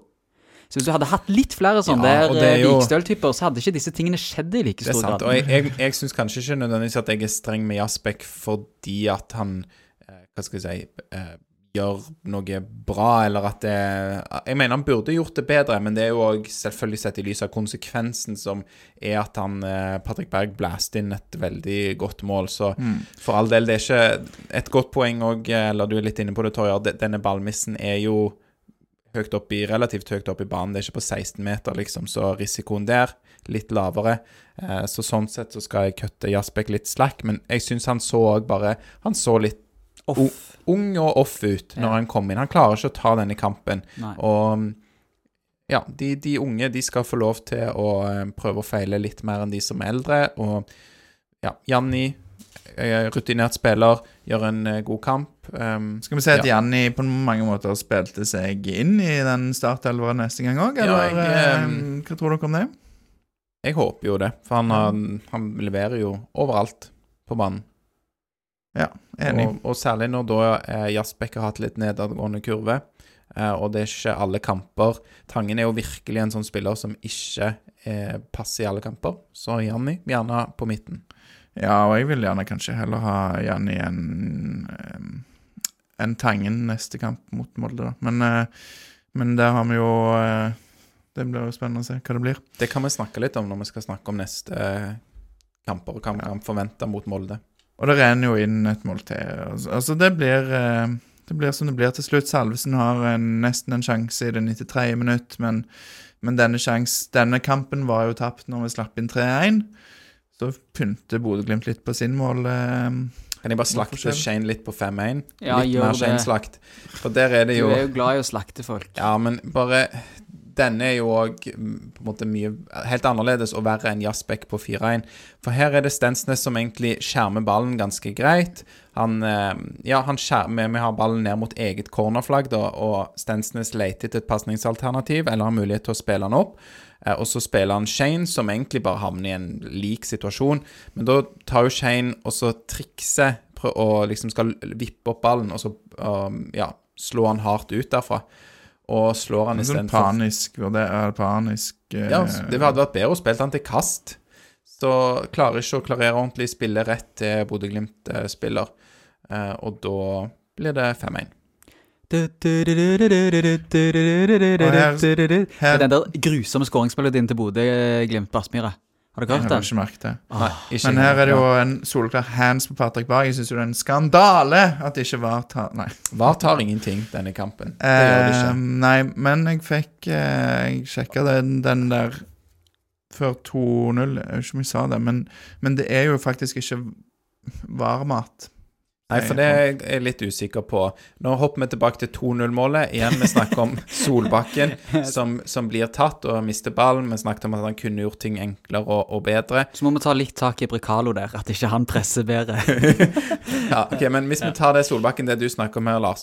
Han Ja. blir tatt, men du sier det er ikke varmat fordi Fordi det er en duell om ballen, og det er ikke en soleklar feil fra dommer. Dommer tar en vurdering på at eh, han er nok på ball til at det ikke er frispark. Jeg vet ikke, men i hvert fall sånn jeg har forstått det, så er det når dommeren sin vurdering eh, har ikke, ikke ikke soleklar feil, da. Sant? Altså Clear and Mm. obvious er jo det begrepet som blir brukt, og da mener dommeren at her kan vi forsvare at dommeren har gitt frispark. Vi er kanskje ikke enig i det. Du mener at VAR-rommet kan forsvare Ja. at dommeren eh, har latt spillet gå. Ja. Det er VAR-rommet som gjør denne vurderingen, om det er clear and obvious. Det er ikke dommeren sjøl, for han, han ser aldri på dette igjen. Um, Nei, dommeren må ikke ut og se, nei. Nei. Men Mm. eh, så, så, sånn som du forstår VAR-reglene da, så Hvis det hadde Hvis- vært clear and obvious feil, så kunne de tatt det tilbake og gitt Viking frispark, fordi det er en del av samme spillsekvens. Da tror jeg at du ehm, kommer til å ha Altså, du havner i en situasjon der det er veldig mye var framover. Ja, det er jo dette med hvor, hvor clear and obvious skal det være, og disse tingene er jo, det er jo litt eh, ting som vil bli diskutert fordi det er ikke helt binært, og for de som skjønner det uttrykket. Altså, det er ikke svart-hvitt. Det er ikke sånn at ja, denne var åpenbart clear and obvious, og den andre var åpenbart riktig. Her er det gråsone, og da må man sette grensen et sted, og da velger de da å la, la denne gå. Jeg syns jo kanskje den er noe som i mitt hode ser veldig clear and obvious ut, da, med mine vikingbriller på. Ja, det, var, Ja. det var godt du presiserte. Ja. Vet dere hvem som satt i varerommet, da? Jeg tror ikke det var noen. Jeg tror ofte, Jo, det var en. ofte, nei, ofte så gjør de sånn De tar liksom eh, den fingeren opp til øret, og så, og, så, og så dytter de spillerne litt vekk sånn. Ja, nå skal jeg høre på ingenting, for vi later som vi har var. Vi later som noen sjekker. Så det er det eneste de får høre. At nei, vi er litt opptatt, så vi sjekker ikke akkurat denne. Det tror jeg. Jeg mistenker det. de de tar seg en liten pause, rett og slett. Ja, en kopp kaffe sånn på varerommet. Jeg kan røpe at det var Kai Erik Steen som satt på varerommet. Ja. Du husker Kai Erik Steen? Han er ikke Vikings beste venn. Nei, jeg har traumer fra han der dommeren der, altså. Han har uh... Ja, han er ikke noen Viking-fan. Mm. Men han har hatt noen kamper han har vært grei med oss òg. Men uh... Var det ikke han som dømte i Ålesund i cupen i 2019? var det det? Jeg vet ikke. For de som husker det, så var det en eh, mulig eh, Var det straff og rødt kort til Ålesund som ikke ble dømt på. Det var Viljar Vevatnet som eh, gjorde en takling som eh, medførte at eh, Ålesund ikke fikk straffe, men de skulle hatt straffe. Jeg, Altså- jeg mener han er klink på ball på den, fortsatt den dag i dag, så det er greit. Med Um, vikingbriller. Ja, og Viljar Vevatnet var heller ikke enig med meg, men eh, jeg står eh, for min vurdering. Um, men det blir jo Denne kampen slutter 5-1. Mm. Kunne blitt 6-1. Ja, fy søren. Men skal vi Vil du si noe mer, Lars? Eh, Altså, Vi skal ta litt forskjellige ting. Eh, Vil du si noe mer om dømming i Eliteserien, eller hvordan er det? For nå har vi snakket litt om dommer. Jeg klarer ikke å holde meg. Sorry. Ja, nei, vi kan ta det, fordi at eh, det var jo en situasjon i Stabekk Bærum. Ja, i Bærum. I Stabekk eh, sin storstue. Nadderud. Nadderud. Der da eh, Rohit Saggi ble truffet av en flaske som ble kasta fra en eh, Jeg vet ikke om det var Stabæk-supporter eller hvem det var, men, men det er i hvert fall noen som var på kampen, som har kasta gjenstander etter dommeren på banen og traff. Um, og Samtidig så er det òg eh, mener jeg leste en artikkel, jeg lurer på var VG, som hadde om eh, Slår et eller annet sånn alarm om managernes oppførsel i Premier League. Ser stadig at både spillere og managere kjefter på dommer, og jeg synes Jeg har sett, hørt mye om Jørgen Klopp. Eh, Jeg vet ikke om du har hørt om han? Det er en eller annen trener i England. Torjer. Han eh, driver på der borte. Jeg ser ikke engelsk fotball, jeg. Nei, han i hvert fall eh, har sett flere ganger har vært ute og kjefta på dommer, og flere andre managere som, som er ute og kjefter. Eh, og liksom det der at det er blitt så greit, og du, Alexander, sitter her i dag, og De eneste som burde få kjefta på dommerne, det er hobbypodkastere.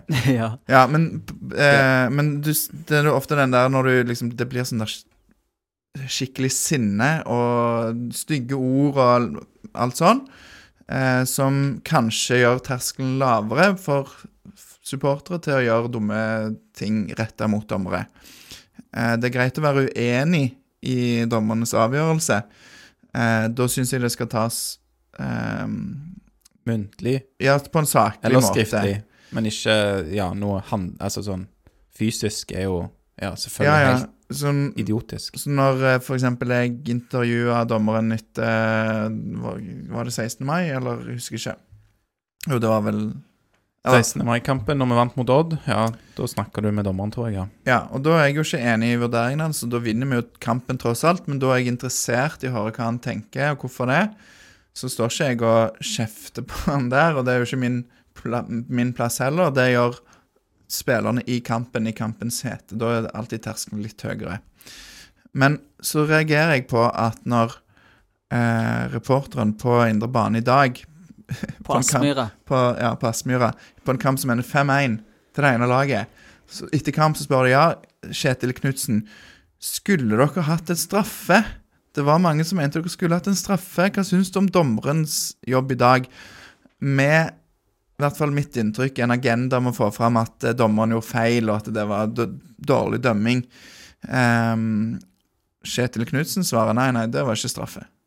Og det er jo fint. Mm. Men det er sånn, når, når en møter den vinklingen etter en sånn kamp, der det blir langt fra matchavgjørende Du kan ta den med Solbakken, som vi snakket om i stad, som kanskje mer har en innvirkning på hvordan kampen går.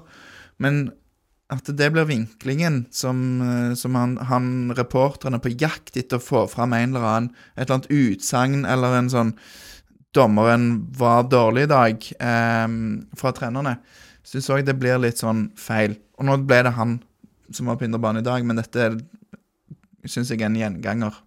Mm, det er jo kanskje litt sånn der billig, og det Jeg sitter jo litt i glasshus.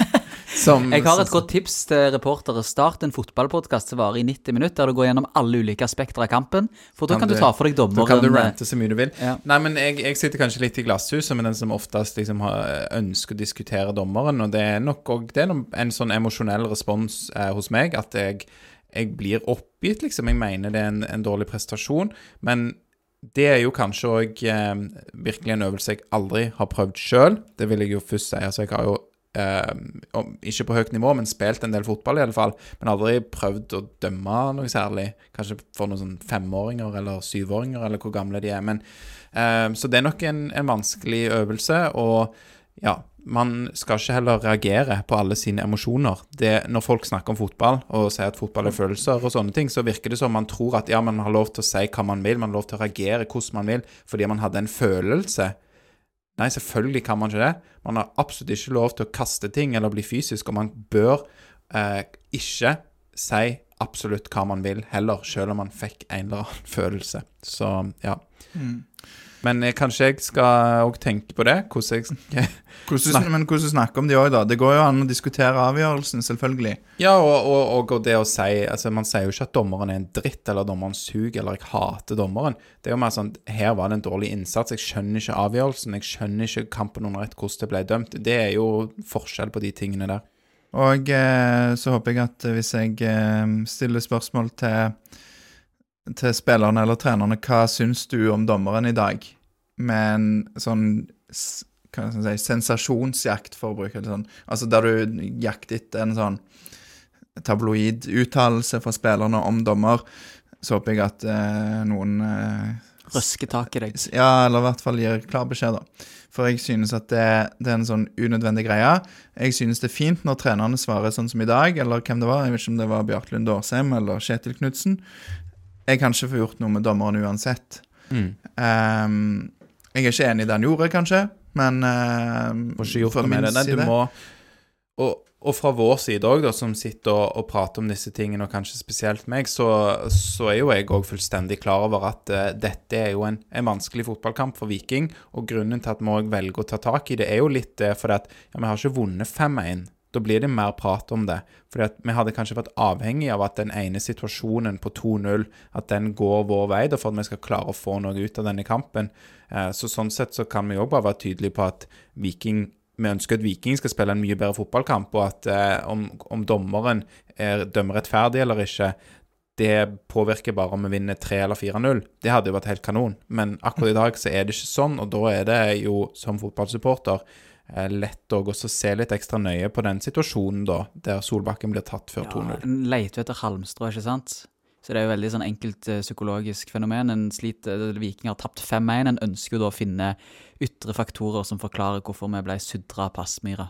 Jeg tror jeg òg at uh, våre hobbyanalyser blir enklere når vi ser disse kampene på TV. Jeg tror vi kan godt gå noen av de samme fellene når vi sitter og ser kampen på, på stadion, men det er en litt annen opplevelse, og da blir du gjerne litt mer sånn tunnelfokus på disse nøkkelsituasjonene, enten det er dommere eller våre egne spillere som gjør feil når man slipper inn mål. Så er det litt enklere å vurdere en helhet eh, når man sitter og ser eh, hele banen eh, på stadion. Det, det går fort, og det er marginer, og ballen har kanskje gått via et hode før han treffer en hånd. Altså, det, det er sånne små ting som òg er vanskelig å se på video, sant? Og at eh, selv om eh, Altså, noen ting er lett å få med seg på stadion, noen ting er lett å få med seg på TV, noen ting er faktisk ikke lett å se hvis ikke du står akkurat der dommeren står.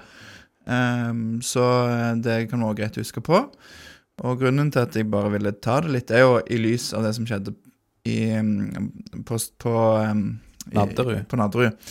Og at eh, En sånn floskel 'uten dommer, ingen kamp'. Eh, for jeg tror ikke akkurat at sånne ting gjør det noe um, mer attraktivt å bli dommer, da, for de som eh, De som er yngre enn oss og har kanskje lyst til å velge den veien. Kanskje vi skal pitche det som en sånn TIFO i det. Sånn uten dommer, ingen kamp. Det hadde vært veldig kult hvis jeg så en sånn eh, TIFO eh, en eller annen plass i Norge. Det, ja. Jeg eh, TIFO er ikke mitt bord, så den Nei, eh, jeg skal òg ta alle forbehold om at det, det kan godt være at her er det noen skrevne eller uskrevne regler som sier at du skal ikke ha TIFO om dommeren. Kan ingenting om det. Men, men, men, jeg eh, syns ja. uansett eh, at um, det hadde vært kult hvis det ble litt mer slått ring rundt dommerne, for, for vi vet at dette eh, er en utvikling, da, som mange fokuserer på. Så har ikke jeg sett noen sånn statistikk på om det faktisk er eh, vanskeligere og kjipere å være dommer på noen eh, Ja, etter, dømt etter noen objektive kriterier. Men eh, jeg syns uansett vi kan eh, slå ring om dommerne, og flasker i hodet er jo helt sykt, liksom. Det skal ingen trenge å oppleve. Men det var veldig kult det Discovery gjorde i fjor, når de ga mikk på Roetsagi, Vålerenga-Lillestrøm. Nei, Lillestrøm-Vålerenga på Åråsen i fjor. Så fikk de mikk på han, og så fikk vi følge han gjennom en kamp. Sånne ting. Så det tror jeg kan rekruttere til, til dommeryrket. Og så mer av sånn, ja takk, TV 2. Det er veldig kult, og det kan jeg òg utnytte VAR til. For det så jeg vel var Premier League, så hadde de et sånn segment der de hadde en uh, Dette så jeg bare på Twitter, da. Akkurat det sånn var en, Lurer på om det var en hands-avgjørelse. Så fikk vi høre hva de snakket om, og hva vurderinger de gjorde. Og det kan jo òg hjelpe oss å forstå. Mm. Så ja. Kult. Jeg kan jo bare si litt sånn generelt om, om dømming. Nå er det et litt annet poeng enn det du har tatt opp, Lars, men eh, bare i lys av denne diskusjonen òg, så hørte jeg på eh, The Guardian Football Weekly, hvis noen hører den eh, podkasten, som primært dreier seg om, eh, om Premier League, da. Um, jeg eh, tar meg aldri råd til å se Premier League, men jeg hører en del podkast som handler om det, og de hadde et sånn langt segment, veldig interessant, om fotballdømming, der de fulgte noen dommere eh, gjennom en sesong. Det var spesielt én Premier League-dommer som er litt mindre kjent, nå husker jeg ikke hva han heter. Mike Men- Dean. Nei. Nei, ja. De, de var, var innom flere. Eh, uansett, men det som de går langt i å innrømme da i dette veldig sånn dybdesegmentet på dømming på det høyeste nivået i England, er jo at dommere er veldig tydelige på å innrømme sjøl at de ofte eh, ikke tar beslutninger som er riktige. De tar beslutninger som er riktige for kampen, sånn som de vurderer at det er nødvendig for å ha kontroll på matchen. Det er det jeg har nevnt et par ganger i dag. Match management. Og jeg tror jo at mange fotballsupportere ønsker ikke det. Altså Hvis det skal være fire røde kort i en kamp, så skal vi ha fire røde kort. Eh, og driter litt i om dommeren liksom føler at han har hatt en dårlig, hatt dårlig match management. Du, du gir ikke en straffe bare fordi at, ja, nei, men det er riktig i forhold til hva kampen trenger. For at Atletico Madrid ikke skal bli sure, så gir jeg en straffe nå. For det, det var litt på det nivået jeg fikk inntrykk av da i denne lange podkasten jeg hørte på. Og det, det skuffer jo meg. Jeg eh, ønsker litt mer sånn eh, baseball for de som eh, noen gang har fulgt den dritkjedelige sporten der, men der er det jo et sånn, som, et sånn slagord da, som man sier som dommer. I call them as I see them. Jeg ser, og jeg dømmer. Ferdig, liksom. Det hadde jo vært veldig interessant å sette en fotballkamp dømt på den måten, men det, det kommer vi ikke til å få, for at de skal liksom manage kampen, da. Ja. Nok dommersnakk, eller? Nei, jeg har faktisk Nei, bra. Eh, Men jeg, eh, jeg skal love å ikke snakke mer om dommer, men jeg vil gjerne eh, poengtere et par helt andre ting. Ja. Bare to lag har sluppet inn flere mål enn Viking i årets utgave av Eliteserien. Seriøst? ja, og Viking har allerede Eller de har én kamp mindre spilt da enn en del lag, så Viking har sluppet inn eh, 14 mål. Og bare Ålesund og HamKam har sluppet inn flere. Eh, HamKam, for de som husker det, slapp jo bl.a. inn syv mål mot Viking. Så Hvor mange lag har skåret flere, da? Eh, to lag. Tre lag Tre. har skåret flere enn Viking. Det er jo gøy å være vikingsupporter, da. Det er mye gøyere å score mye og slippe inn mye enn å Ja, og, og liksom on that note, takk for at vi i dag spilte 4-3-3. Jeg vet at eh, ja, Lars poengterer at vi har vunnet mot Bodø-Glimt i 3-5-2 òg. Og i dag så skårte vi jo litt færre mål mot Bodø-Glimt enn det vi pleier. Altså færre, ikke like mange mål som vi pleier. Men jeg vil gjerne se oss eh, eh, prøve oss i 4-3-3 og mot de beste lagene. Så jeg er fornøyd. To tomler opp. Eh, jeg synes forresten det var veldig gøy, for jeg så på Twitter så var det en eller annen En, en som, av de som har vært mest kritiske til dette 352-greiene. Mm. Jeg vet ikke om jeg skal si hvem det er, men han skrev um, Ikke si hvem det er. Han skrev at det var bra at Viking gikk inn i dette med en 4-3-3 istedenfor å invitere til en målfest bakover, som de har gjort de andre gangene. de siste gangene. Så da er det jo litt artig at det blir akkurat like mange mål bakover denne gangen. Dette skrev vedkommende før kampen Før var ferdig spilt. Før ja. kampen starta. Ja, ok, ja. Eh, så det var en positiv tweet. Eh, jeg har ikke sett hvordan det gikk med, med den. Med, med tweeten, om den levde et godt liv etter den Men vi er, jo, Men- vi er jo enige med vedkommende, da. Ja, ja. I, I prinsippet. I prinsippet. Men eh, noen mener at de la om til 3-5-2, og at vi- Viking setter inn en ekstra stopper når de tar ut Sondre Bjørsol og setter inn de opp. Men det er jeg ganske sikker på de ikke gjør. Nei, jeg lurte Jeg ser heller ikke det, og igjen, det er ikke så lett å se på TV-en. Eh, men eh, med de jeg så med, som ikke var dere, Torje og Lars, vi jeg diskuterte akkurat det samme. og klarer ikke å se at de legger om. Så bare fordi om du bytter en, en Beckman stopper, så betyr ikke det at du legger om. Jeg tolker det som offensivt skyts for å ha mer hodestyrke. Det var noe sånn de tenkte. Ja, Diop, Diop var jo et en av de som var regna som et høyreback-alternativ inn mot Rosenborg-kampen eh, i cupen, når Herman Haugen hadde dispensasjon. Så jeg tror de tenkte tenker han kan spille høyreback, og at det er derfor de satte han inn. Jeg eh, tror jo ikke han kan spille høyreback, så jeg vil helst ikke se det framover. Men eh, Nå er John Stones høyreback i City, da, så alt er mulig. Det er alt mulig. Men det kan være òg at Diop hadde vært en bedre høyreback i City enn det han er for Viking. Det kan være. Godt Så, poeng. Ja. Børs eller, børs eller ja, hvem var gode på Viking i dag? Eh, ja, hvem var gode på Viking i dag? Jeg syns jo at vår gode venn Jan Erik Delandli var god i dag òg, som jeg syns han har vært mange ganger det siste året. Han har virkelig fått en renessanse som fotballspiller og var toneangivende i dag. Veldig god og venn av folk. Alltid fremoverretta, eller ikke alltid, men stort sett fremoverretta er det meste han gjør. Uh, med, sin med sin rutine og eh, fotballfaglige intelligens, så var han en av de mest toneangivende på Viking i dag. Er du enig? Eller, ja, du, Ja. du er enig, Lars. Sign him up, sier jeg. Han er på utgående kontrakt. Så uh, syns jeg han eh, var inne på det i stad. Har spilt seg inn i, i elveren. Eh, har jo den fordelen at han kan bekle flere roller, men jeg synes han leverer bra som indreløper i dag. Og har eh, Han har lik han har det der offensive, kan tre gjennom, kan være en offensiv trussel, samtidig som han er disiplinert defensivt. Og Det syns jeg òg du ser flere ganger, at han tar og følger mannen helt inn i boks, der kanskje Tangen har en tendens til å slippe, eller Bjarnason eh, sover.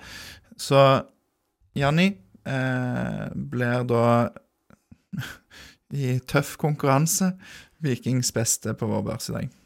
Ja, det var um, Vi gir jo for så vidt, syns jeg, ganske sånn rause karakterer med tanke på at det er en 5-1-kamp. Men det er viktig å huske at vi bytter oss jo eh, litt sånn shaky, for å si det sånn. Og så tar vi ut limet da i, i, eh, i Vikinglaget, Sondre Bjørsol. Du ser jo det renner inn mål etter han går ut i det Ja. Ja, han går ut i det 87. var det, ja. Ja. så det, det er riktig, det. Lars. Det, Han får for øvrig òg vel fem, gjør ja, jeg syns jo kanskje han òg var litt sånn litt uh, under par. me- Mer med på Janni hadde en uh, god kamp. Syns òg Sander Svendsen liksom er ganske sånn feilfri. Salvesen skårer et fint mål, men bommer òg uh, veldig mye. Salvesen gjør mye bra, da, bortsett fra å skåre. Kommer jo til masse Ja, han gjør det. Han eh, gjør mye bra, absolutt. Altså. Så, så er det noen litt, eh, litt svake innhopp, og kanskje også rett og slett det at vi, vi bytter oss litt sånn Ja, at det blir litt Rytmen uvant. forsvinner ja, litt. rytmen forsvinner. Riktig oppsummert, syns jeg, eh, Lars. Så, um, ja. så inn mot neste kamp så håper jeg jo at vi ser Janni fra start. Jeg håper òg at vi ser uh, uh, Svendsen, Dagostino og Salvesen uh, fra start. Selv om mange Altså, nå snakker jeg ikke om cupkampen, nå snakker jeg om neste kamp i Eliteserien. Um, selv om kanskje trenerne vil òg si at Slatko Tripic er som skapt for Molde hjemme eh, og må spille. Jeg vet ikke, men eh, Kan du bare ta det nå. nå, så for nå er det 29. mai når vi har tapt, og det er en mandag, og så er det allerede på torsdag 1. juni så er det denne cupkampen eh, borte da mot eh, Vidar. For de som ikke er lokalkjente i Stavanger, det er sikkert de fleste, så er det kanskje 2,5 km fra Eiganes til Lassa, der Vidar har sin hjemmebane. Så er det ikke langt for mange å reise. Eh, men det blir jo spennende. Og så er det bare tre dager etterpå, 4. juni, så er det Molde. Så det er klart at eh, selv om de hadde villa, så burde de nok ikke stilt med de samme elleve i de to kampene, for de kommer tett nå. Mm. Ja, det blir, eh, det blir gøy det med cupfest på, på Lasse. Så um, folk må både kjøpe billett dit og, og til hjemmekampen på søndag 4. juni klokken syv? Kvart over syv? Nei, syv. Ja, er det ikke 1915? Det var et litt sånn eh, ukurant Det tidspunkt hørtes nesten ut som NRK hadde ansvar. Faktisk. for å sette tidspunkt. Ja, nei, men Det blir spennende òg, og der er jo Molde er jo på sett og vis òg et sånn eh, kontringslag, så jeg er litt spent på den. Og hvis vi klarer å ha litt ball i, i laget, om det, om det kan være en Tangen-kamp Du nevner at eh, trenerne kanskje vil hevde at det er en klassisk Tripic-kamp, men jeg skulle gjerne òg sett at vi eh, hvile Tripic litt, at han kommer tilbake litt eh, sultnere og bedre enn vi har sett han de siste kampene. Og vi trenger han mot Vidar. Så jeg tror vi må tenke det, at vi må prioritere han på torsdag.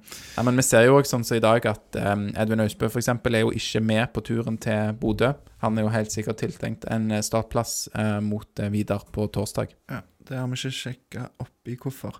Men eh, Tripic, jeg bare så noen tall òg. Han er jo har jo ofte vært veldig offensiv og fremadretta. Eh, det er Emilio Sanuesa som har eh, samla en del statistikk. Anbefaler å sjekke ut han på Twitter.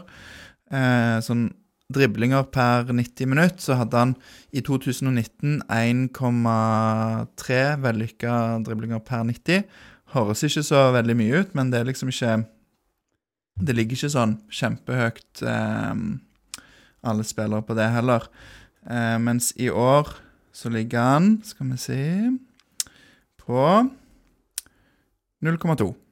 Ja, det er men- færre. Mm. Bare for å Bare for å ta Altså, hva er en vellykka dribling? Ja, det er et godt spørsmål. Eh, Jeg må innrømme at når du leser denne, så syns jeg ikke det høres så veldig interessant ut. For at 1,2 og 0,2, var det det? 1,3. 1,3 Og og 0,2. Det, Det er jo nesten ingenting. Ja, men om du får én ekstra hver kamp, Jo, men det er jeg- ikke mye. Nei, og dribling er ineffektivt. Har dere sett Goal, den uh, britiske fotballfilmen? Nei. Nei. Da lærer du det at sentre pasninger går ti ganger så kjapt som å drible. Det Ja. var liksom en moralsk lekse. Jeg er bare litt usikker på om denne staten her liksom er den beste til å forklare min subjektive mening om at Tripic ikke er like god som vi har sett han før. Kanskje det er andre stats som er enda bedre. Ja, men jeg syns jo det eh, forteller litt om uh, hvor ofte han eh, drible. Altså, han Vi snakket om det, jeg vet ikke om det var til Molde eller hva tid det var, men der han ofte før Han ville bare utfordre, gått på, enten mot mål eller mot linja. Så stopper han gjerne opp, eh, går tilbake eller spiller ballen en, en trygg pasning. Han, han har ikke den samme eksplosiviteten som før. Så at det, det er en litt annen ving enn eh, vi hadde i 2019. Det tror jeg eh, alle som fulgte Mm. Viking på den tida òg, kan, kan si seg enig i. Og dette er bare ett av de tallene da som, eh, som kan vise noe, noe om det. det. at repertoaret kanskje er litt mindre, ja. Mm. Har vi snakket nok om denne kampen? Skal du dra oss gjennom andre festlige vikingkamper som har skjedd denne dagen, eh, 29. mai, tidligere år, Torjer? Masse festlige vikingkamper. On this day heter denne spalten her, og jeg har gravd dypt i arkivet for å finne masse festlige vikingkamper fra denne datoen, og jeg sleit veldig. Jeg har funnet Jeg skal avslutte med et lyspunkt, men før det så skal jeg dra dere gjennom fire kamper som ikke var så kjekke i Vikingøy med. Når Alexander var syv år, 29. mai 1983, så vant Mjøndalen 2-1. Ok, det Nei, er da, nå var jeg veldig, stygg med deg, Alex. Eh, Nå var jeg stygg. veldig intern humor, bare for å forklare det for uh, alle som lytter, da. Så er ikke jeg født i 1976, som du insinuerer her, Torjer. Ja, Jeg er født i 1989. ja det, var, det er et godt poeng. Men uh, poenget er at dette er veldig lenge siden. Så jeg er veldig ung, yngre enn Birker Bjarnason. Thank, thank you very much. Ja. uh, Fem år før Birker Bjarnason ble født, så vant faktisk Mjøndalen på Stavanger stadion 2-1. Så det starta dårlig allerede den gang, så var vi dårlige i slutten av mai. Og det ble ikke bedre. I 2005 så endte det 0-0 borte på Hamar. Eh, noen som husker hvem som var trener for Viking i 2005? Kjell Inge Olsen. Nei, denne mannen er i dag 76-75 år. Ja, ja, det er jo han eh, Roy. engelske. Roy Hodgson var trener for Viking når Viking tok ett poeng på Hamar. De som fikk gule kort på Viking, det var Trygg, Trygve Nygaard, Bjørn Dahl, Jørgen Tengesdal og Thomas Müller. Nå, oi, nå, nå er du god her. Eh, først så er det, velger du en 0-0-kamp, og Det er ikke sånn at jeg velger 0-0-kamp. Det er jo ingen seire på denne dagen, basically. De, en spennende 0-0-kamp der du trekker fram de gule kortene. Der Thomas Thomas Müller, Müller, som ja. var på lån da fra Bayern München til Viking på denne tiden, eller hvordan var dette her? Nei, det er ikke han. han denne Thomas Müller er faren til en eh, Rosenborg-spiller. Bernt Müller. Ikke Bernt Muller. Thomas Muller Pereira han har vært gjest i Vikingpoddens episode 41, tror jeg. Så han fikk gult kort. Ah, I 2012, syv år senere, så tapte Viking 3-0 for Fredrikstad. Tro det den som vil. Fredrikstad leder Obos-ligaen, bare sånn at alle vet det. Hadde vært gøy å få de tilbake til Eliteserien. Men de vant altså 3-0 over Viking. Eh, Ole Johan Halvors Jeg tror det er Ole Johan. OJ Halvorsen skårte mål. Simen Ole Jørgen. Ole Jørgen Halvorsen. Ja. Eh, Simen Raffen og Mohammed Gueye. De tre skårte mål for eh, Fredrikstad. I 2017 tapte vi òg. Den gangen var det i Drammen, og da møtte vi Strømsgodset. Da tapte vi 4-2. Og målskårerne den gang, det var en spiller som i dag spiller i Molde, Eirik Ulland Andersen. I tillegg en spiller som, så vidt meg er bekjent, spiller i USA i dag, Jakob Glesnes. Eh, I tillegg var det Basel Giradi som skårte to mål. Og hvem tror dere skårte for Viking? Jeg tror det er lett når det står Symer på skårte mål. Ok, greit, det var litt bom at det står her. Uh, men du, hvem tror, ja, hvem tror du, Lars, skårte mål for Lars Viking? har òg lest det. Han, okay, han følelse på Ikke, ikke han ehm, Ikke han eh, ene han, eh, Men han andre, han ehm, Samuel. Samuel Adegbenro. Samuel Edegbendro og Simon Butichi skårte mål for Viking. Så on this day så har Viking tatt foreløpig på de fire første kampene jeg har valgt å gå gjennom, tatt ett poeng. Men det finnes et lyspunkt, gutta. Jeg måtte bla tilbake et år, og jeg ble veldig glad når jeg fant det. For for syv år siden i dag så vant Viking mot, tro det eller ei, Bodø-Glimt. Og Bodø-Glimt var ikke den gang det de er i dag. Eh, så kanskje mange tok det for gitt at Viking skulle vinne mot Bodø-Glimt den dagen. Men I i, 2016, altså, var dette? i 2016. Og de som skårte, det var en islending ved navn Bjørn Daniel Sverrisson, og i tillegg en danske ved navn Claes Kronberg, hvis noen husker disse spillerne. Ja, Claes Kronberg. eh, Han eh, Det er ikke så lenge siden han forlot Sandnes Ulf. Nei, det stemmer. Jeg tror han er i Norge ennå. I en eller annen tredjedivisjonsklubb. Som har vunnet mot Bodø-Glimt, men jeg fant én seier på denne dagen. Ja, Og så var det ti år du hadde ikke rukket å sjekke, som var 90-tallet. Ja. Det glade 90-tallet. da André Danielsen bommer på straffe Mhm. i denne kampen. Ja, stemmer. du det? 82. minutt. Eh, det kan være. 2016 mot Bodø-Glimt. Ja.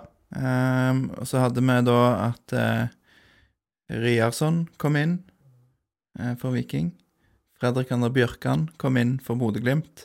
Og Jens Petter Hauge ble òg bytta inn for Bodø-Glimt. Så det er jo spillere som mange kjenner til. Um, jeg har eh, ikke On This Day, men On this note. Has something to do with this match today to do. OK. Ja, Tell som jeg har valgt å kalle denne veldig smale spalten. Som, Som eh, vi bare blir i dag. Mest sannsynlig.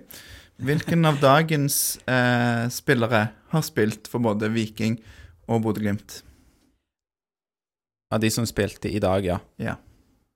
Oi, det er jo et artig spørsmål. Spiller den spilleren på Viking eller Bodø-Glimt? Jeg tror ikke det er så veldig mange det er snakk om. Holy Nei, jeg, jeg vet Jeg har ikke dobbeltsjekka alt, men jeg vet om én. Ok. Kan du gi oss eh, Nå er det sikkert noen eh, som lytter eller ser denne podkasten på YouTube som vet svaret allerede og syns det er kjempeirriterende at meg og Alex er så treige. Så gi oss et hint. Han har vært på utlån fra den ene klubben til den andre. Ja, det mistenkte jeg, for jeg eh, Jo, jo, men helt seriøst. Det er Ja, ingen som ja, jeg ja. vet det sånn Jeg har vært fem år i hver klubb, liksom. Ja, ja. Det var selvfølgelig det Jo, jo, jo, jo, jo. Birker Bjarnason i 2008, bo, utlånt til Bodø-Glimt. Helt riktig. Så det er ingen av dere som sa Lars Jørgen Salvesen, som har spilt for begge klubber. Men, eh, Den er litt svak. Den er litt svak. Den er verre. Ja. men eh, han, han jeg tenkte på som har vært på lån, det er helt riktig. Birker Bjarnason var et, en sesong i eh, Bodø-Glimt i da Lars Jørgen Salvesen kunne vi tatt. Men, ja, men samtidig, han har så vidt vært i Viking, og så vidt vært i Bodø-Glimt, så den er ikke så lett. sånn sett. Han kom for fire måneder siden. Det ville vært en kjedelig quiz. Ja. Ja. Jeg, eh, gjennom alt jeg har på agendaen her, kan vi please avslutte denne episoden av Vikingpodden? Eh, OK, vi kan please gjøre det. Oppsummere Er dere enige i at dette var en ikke helt elendig kamp av Viking, selv om vi taper 5-1? Ja, det er noen lyspunkt. Så syns jeg vi, vi bytter oss eh, til liksom at det faller litt i grus. Mm. Mm. Og så eh, synes jeg jo at vi kan ta med oss, som du sier, det er noen lyspunkter. Jeg synes et av de er at vi faktisk prøver å spille fotball i dag.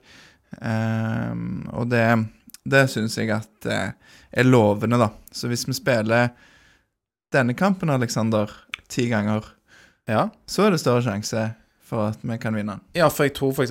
forventa mål i dag er expected goals er 2-1 ca. til Bodø-Glimt. Eh, og i tillegg så har vi noen eh, sånn eh, ja, veldig interessante situasjoner som ikke teller på expected goals. F.eks. når eh, Nikita Haikin og Brede Moe kolliderer og lager en farlig situasjon. Så jeg er enig med deg, Lars. Spiller vi denne kampen ti ganger, så taper vi ikke ti ganger. For var, sånn var det forrige gang vi spilte mot Bodø-Glimt. Det var mye dårligere. Så hvis det er greit for dere, så avslutter jeg med noen velvalgte ord fra Kjetil Knutsen i TV 2 sitt program Fotballfeber forrige fredag. Det kommer litt an på hva du skal si, men vi er veldig spent nå. Ja. Viking er et lag i utvikling. Spennende. spennende. Og med det så avslutter vi denne episoden av Vikingpodden. To, tre. Heia Viking!